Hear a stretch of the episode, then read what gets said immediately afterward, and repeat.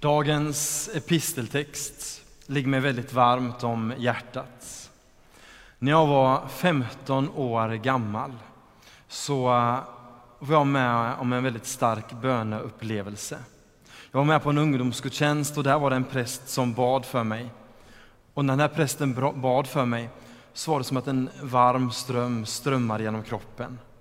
Och jag upplevde där och då en kallelse till att predika, till kyrkan, till att bli präst. Och eh, jag fylldes av den här längtan av att förkunna. Så jag gjorde som så att jag smög in i kyrkan när ingen annan var där. Jag satte igång hela högtalarsystemet som 15-16-åring. Kyrkan var tom. På den tiden fanns det en kassettinspelningsapparat vid mixerbordet. Och så började jag predika för den tomma kyrkan som 16 år gammal. Helt tomt i alla bänkar och jag försökte vara lite uppmärksam så att ingen skulle råka komma in när jag höll på där för mig själv. Kassetten som jag spelade in, den ligger hemma i byrålådan, eller vad det nu kallas. Den finns där, men det var länge sedan jag lyssnade på den. Hur som helst, det jag ska komma till är, det var dagens episteltext som jag predikade över när jag smög in där i kyrkan som 16-åring. Så varje gång jag läser den så blir det lite nostalgi i hjärtat och jag påminns om det där tillfället för så många år sedan. Jakobs budskap, bli ordets görare, inte bara dess hörare. Det vill säga, frågan som ställs från Jakob är, vad händer med dig och mig med det som Gud talar till våra liv. Med det som Gud talar till oss. Vad gör vi av det? Blir det bara mysiga upplevelser, en fin stund i kyrkan, ett vackert ord att lägga ut på Instagram? Eller tillåter vi ordet från Gud att skaka om våra liv, ge oss nya perspektiv, sätta något i rörelse förändrar det dig och mig och vår omgivning. I Jakobs brev så beskriver Jakob Guds ord som en spegel. Badrumsspegelns uppgift handlar dels om att visa dig och mig att vi är vackra. Yes, du är redo för den här dagen. Gå ut och ta den. Men badrumsspegelns uppgift är också att säga till dig, hej, håret står lite på sned. Det där kan du behöva fixa till en aning. Någonting behöver ändras. Så när vi går in i badrummet och möter spegeln så är spegelns poäng att en förändring ska ske på något sätt. Och Jakobs poäng när han talar om detta är, släpper du och jag in Gud på riktigt i våra liv så kommer vi att förändras. Vi kommer inte att förbli de samma. Det är ungefär som när man använder sig av en karta. Man kan välja att bara hålla kartan i handen. Eller så kan man låta kartan påverka ens rutt. Och då kommer du att hamna på vägar där du inte skulle hamnat om du bara hade gått efter eget sinne. Och du kommer också att hamna rätt. Vid ett tillfälle, för rätt många år sedan nu, så gick jag till en massör. Jag hade sett fram emot så här härlig massage. Och så lägger jag mig på britsen och massören börjar känna på min kropp. Och sen säger massören till mig, Johannes, det du behöver är inte massage. Du är stel som en elefant. Allt du behöver är att stretcha.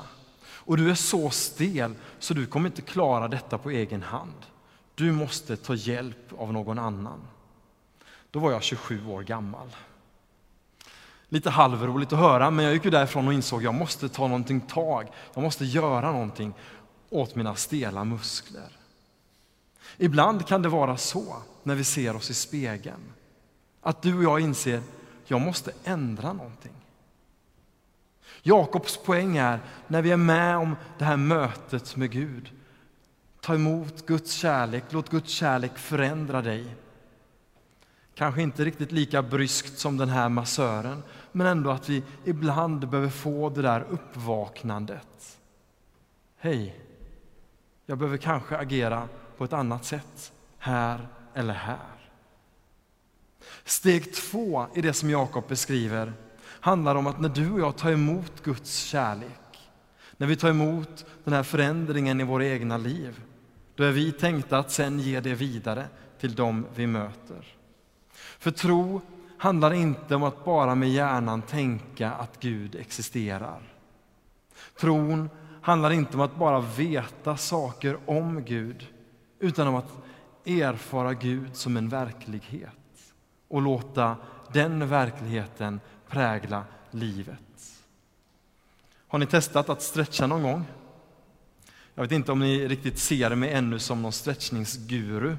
Jag tror inte jag förtjänar det epitetet. Men, men om jag ska visa er en liten stretchningsövning så ska jag inte glömma att ta med mig predikan samtidigt.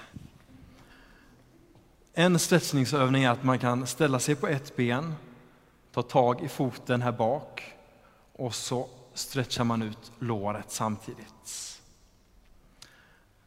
Den kan ni gå hem och testa där hemma.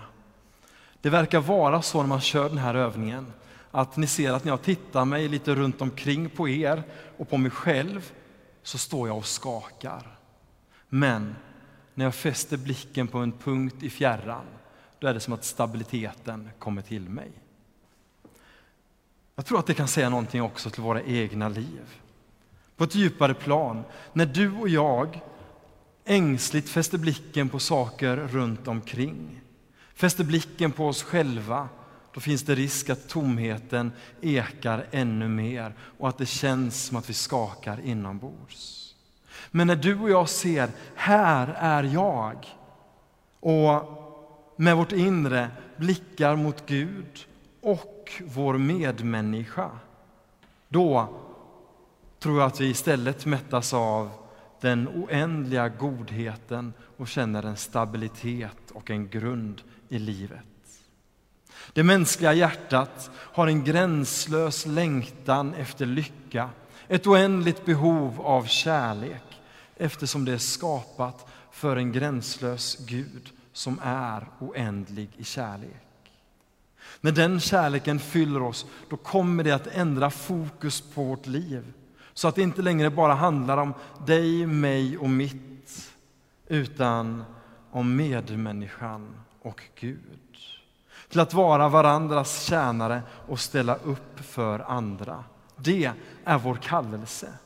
Vår tro och vårt liv hör oskiljaktigt ihop. Vår tro formar våra beslut och besluten blir det som är vårt liv.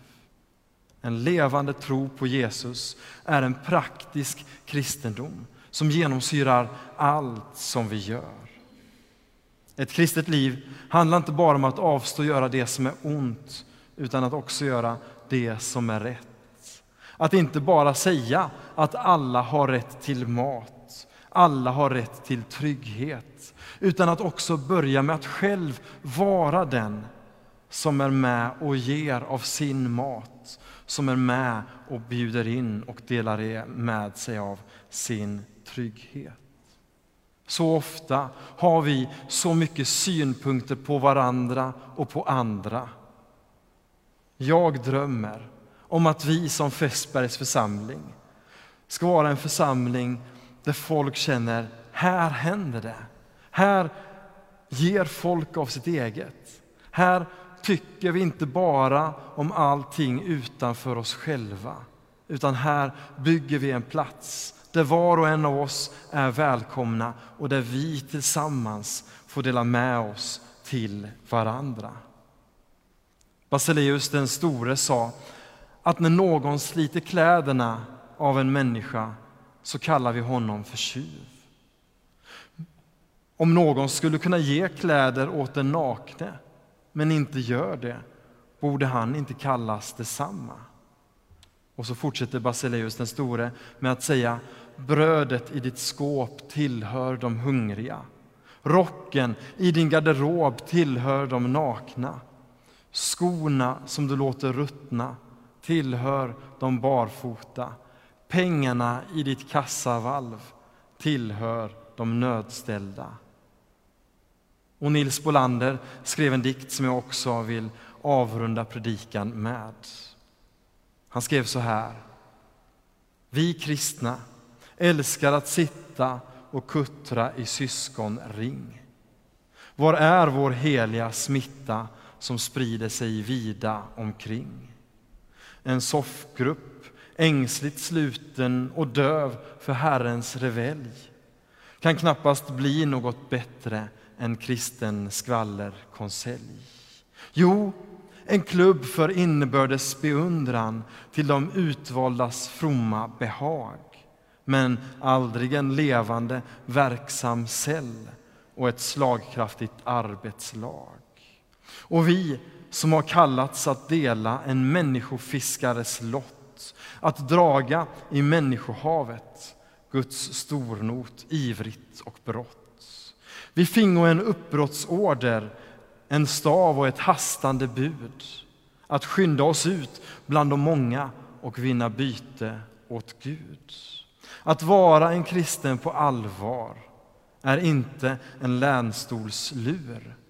Det är att bygga två bryggor där fienden bygger en mur. Det är att tävlingslöpa med projektil och granat. Vem ska besitta jorden, kärlek eller hat? Jakob pratar i dagens text om en praktisk kristendom. Och jag drömmer om precis detta för mitt liv, för våra liv, för Fässbergs församling. Låt oss vara ordets hörare och ordets görare. Låt oss gå in i vårt badrum, se spegelbilden och inse det finns massor att göra i den här världen. Låt oss ta emot Guds kärlek och låta Guds kärlek vidröra vårt inre så djupt att vi inte kan stå emot vår medmänniskas hand när den räcks åt oss. Och så får vi nu tillsammans ställa oss upp och stämma in i kyrkans trosbekännelse.